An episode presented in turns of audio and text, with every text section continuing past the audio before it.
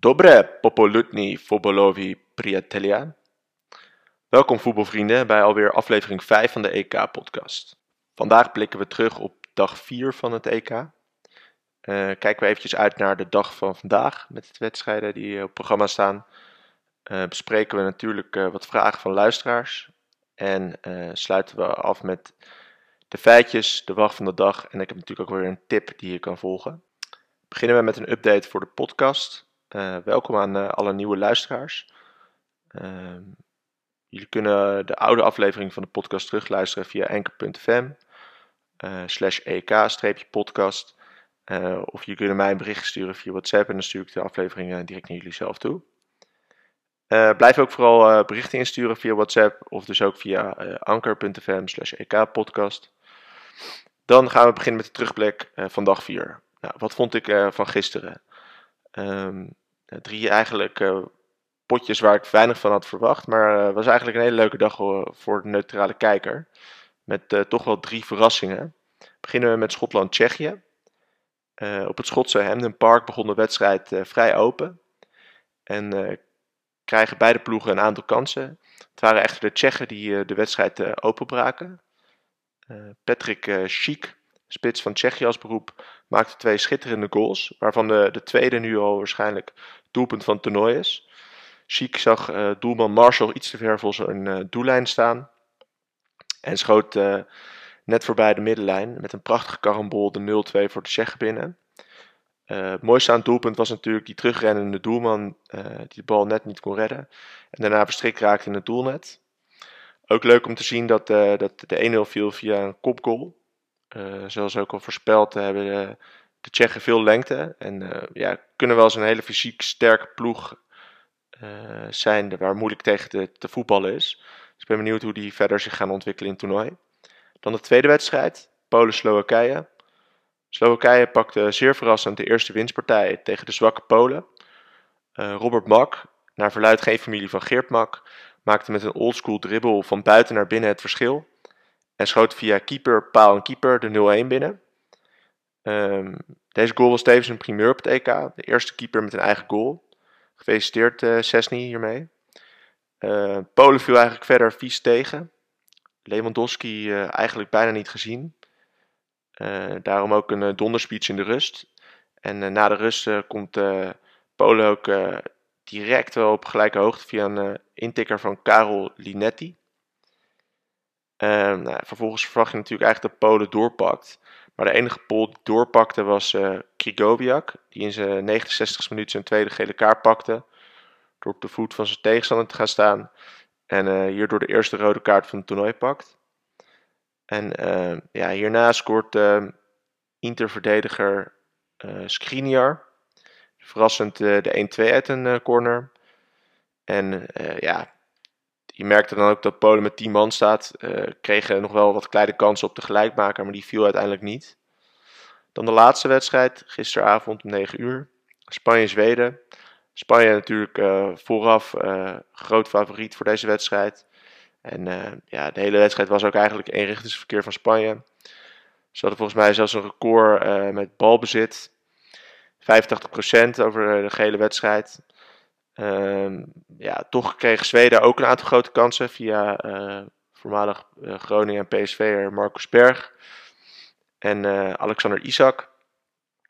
Helaas wilde de bal er niet in voor Spanje, aangezien uitblinker keeper Olsen alles tegenhield. De eerste 0-0 van het toernooi dus. ook altijd lekker voor het gemiddelde van het aantal doelpunten. Dus de mensen die laag hebben ingeschat, ja, mogen even een vreugdedansje doen. Uh, in deze pool gaat uh, Slowakije dus verrast aan de leiding, gevolgd door, uh, door Spanje en Zweden. Ehm, nou ja, nogmaals, erg verrassende uitslagen op zich, allemaal tegen de verwachtingen in.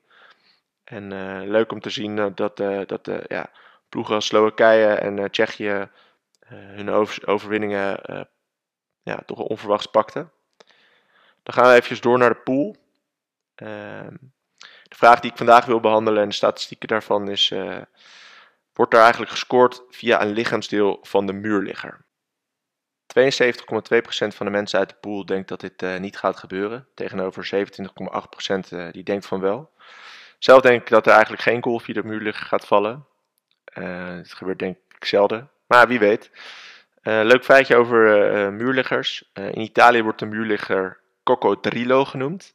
Mede vernoemd naar Inter middenvelder Marcelo Brozovic. Die het kunstje al deed in Camp Nou enkele jaren geleden. En sindsdien op Twitter poseerde liggend in een krokodillenpak. Mooi om te zien dat hij de eerste muurligger van Euro 2020 was. Ik zal de foto delen hiervan in de, in de show notes. Dan gaan we door naar de wedstrijden van vandaag. Uh, er staan maar twee wedstrijden op het programma. Alleen Pool F komt vandaag in actie. Met om 6 uur Hongarije-Portugal. De odds hiervoor zijn nou ja, in het, duidelijk in het voordeel van Portugal.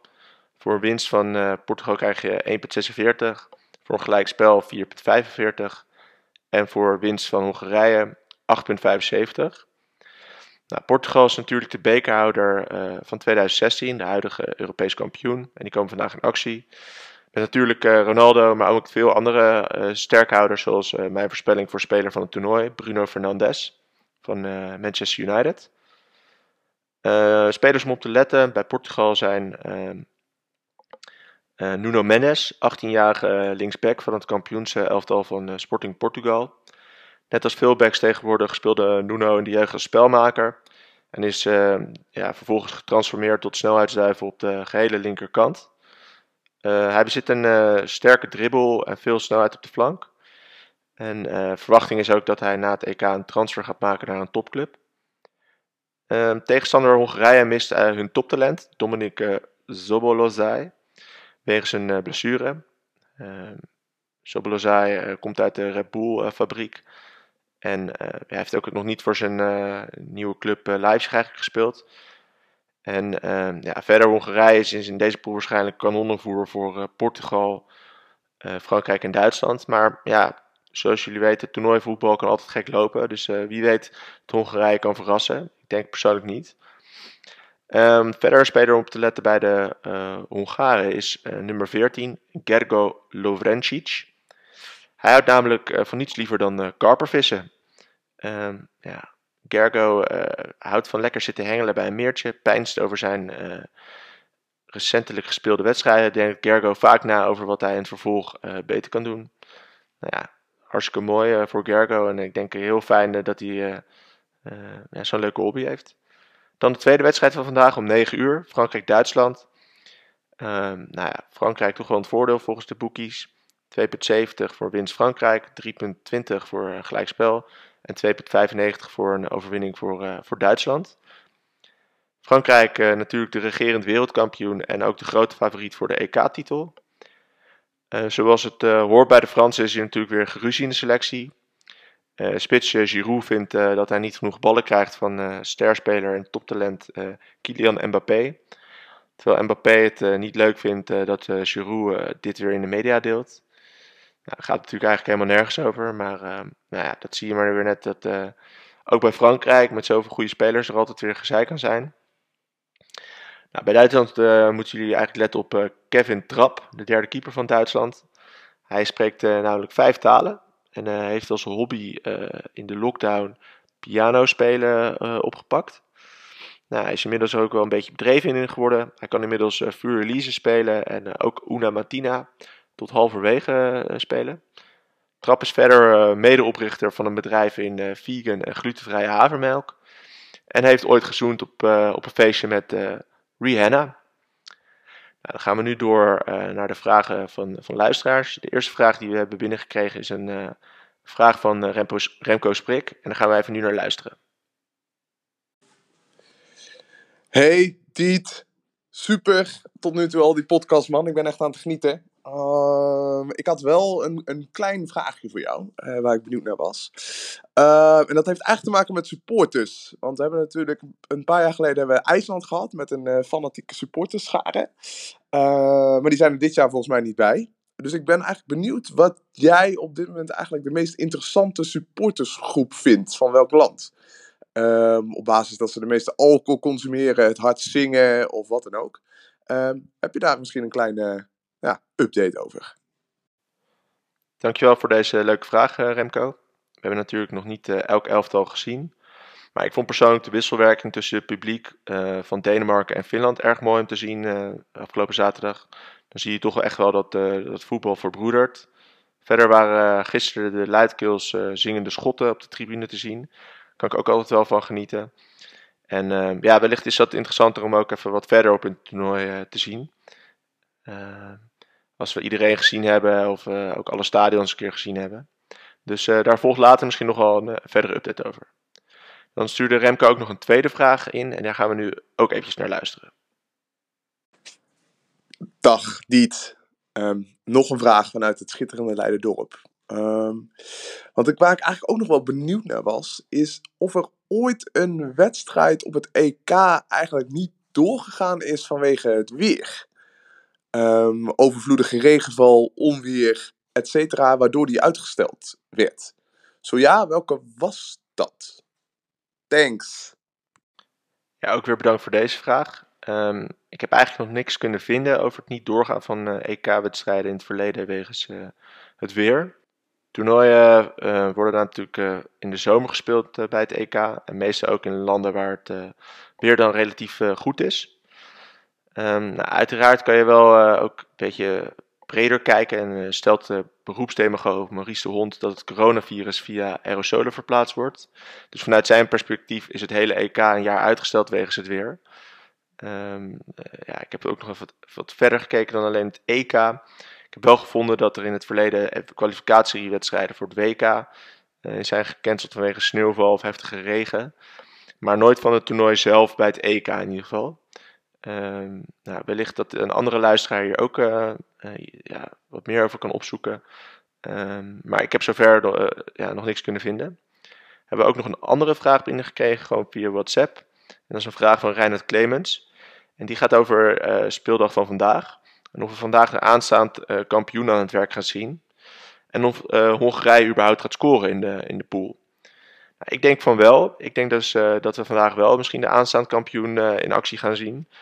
Frankrijk is natuurlijk uh, torenhoog favoriet voor de EK-overwinning. Maar ook de huidige EK-houder Portugal komt vandaag in actie. En niet vergeten zitten de Duitsers natuurlijk ook nog steeds in het toernooi.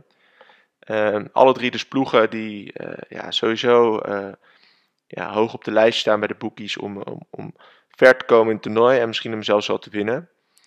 Nou, natuurlijk is het wel zo dat, ze, dat het lastig wordt voor alle drie de teams om door te gaan. Naast zelf presteren ben je daarin ook afhankelijk van de resultaten in de andere pools. Omdat er soms twee of soms drie ploegen door kunnen gaan. Ik zal in de volgende podcast wat meer uitweiden over de regels hierdoor. Uh, je kreeg namelijk ook een vraag over van uh, Tom de Kruijf. Morgen daarover dus meer. Nou, dan over de tweede vraag van Reinoud. Over gaat Hongarije überhaupt nog scoren in deze pool? Dat denk ik zeker. Ik denk dat ze niet vaak gaan scoren, maar gaan zeker wel één keer scoren. wellicht vandaag al tegen, tegen Portugal. Gaan we door naar de feitjes van vandaag. Ehm, ik heb twee feitjes meegenomen. Het eerste feitje gaat over Dumfries. Dumfries was natuurlijk de matchwinner van Nederland uh, tegen Oekraïne. Maar naast matchwinner is Dumfries ook een, eh, mooie plaats in Schotland, kwam ik achter. Uh, Dumfries, uh, Dumfries telt volgens Wikipedia ongeveer, ongeveer 38.000 inwoners. En ehm, Dumfries is tevens de geboortestad van centrale verdediger Grant Henley. Aanvoerder van Norwich en speler van Schotland op de EK.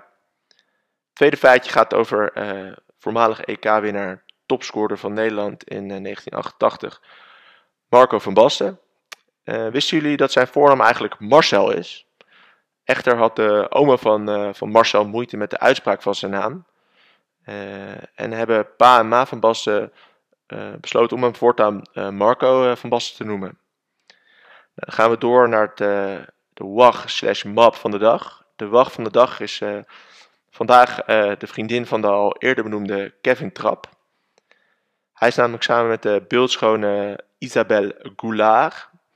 Isabelle is een voormalig Victoria's Secret model en schuwt niet schaars geklede foto's te delen op haar Instagram. Uh, de van, oorsprong, van oorsprong is Isabelle Braziliaanse en had tijdens haar middelbare schooltijd de bijnaam de giraf vanwege haar lengte. Nou ja, gelukkig is alles goed gekomen voor Isabel. Ze heeft inmiddels meer dan 4 miljoen Instagram-volgers. En ik zal haar Instagram eventjes delen in de show notes. Dan sluiten we de podcast af met de tip van de dag. Nou ja, Ronaldo haalde het gisteren al eventjes aan op de, op de persconferentie van Portugal. Ehm, ja. Hij haalde namelijk twee flesjes Coca-Cola weg. Hij zei, eh, drink geen Coca-Cola, maar water. Ehm, dat is veel gezonder namelijk. Nou, daar ben ik het natuurlijk helemaal mee eens. Nou, dan eh, wil ik jullie eigenlijk eh, nog een fijne voetbaldag vandaag wensen. Geniet ervan. Maar twee potjes vandaag, maar wel twee leuke potjes, denk ik. Ehm, dit is toch wel de pool des doods. Ehm, waar ik zeker benieuwd naar ben, is hoe Portugal voor de dag komt. Dus denk een sluwe ploeg. Mist eh, eigenlijk nooit eh, een eindronde op het EK om goed te presteren. Haalt bijna altijd wel de halve finale. En natuurlijk favoriet eh, Frankrijk en Duitsland. Dat is natuurlijk het toetje van, van de eerste speelronde. En nou, daar kijk ik allemaal heel erg naar uit. Ik hoop jullie ook. Ik wens jullie een fijne dag en dan spreek ik jullie morgen weer. Ciao!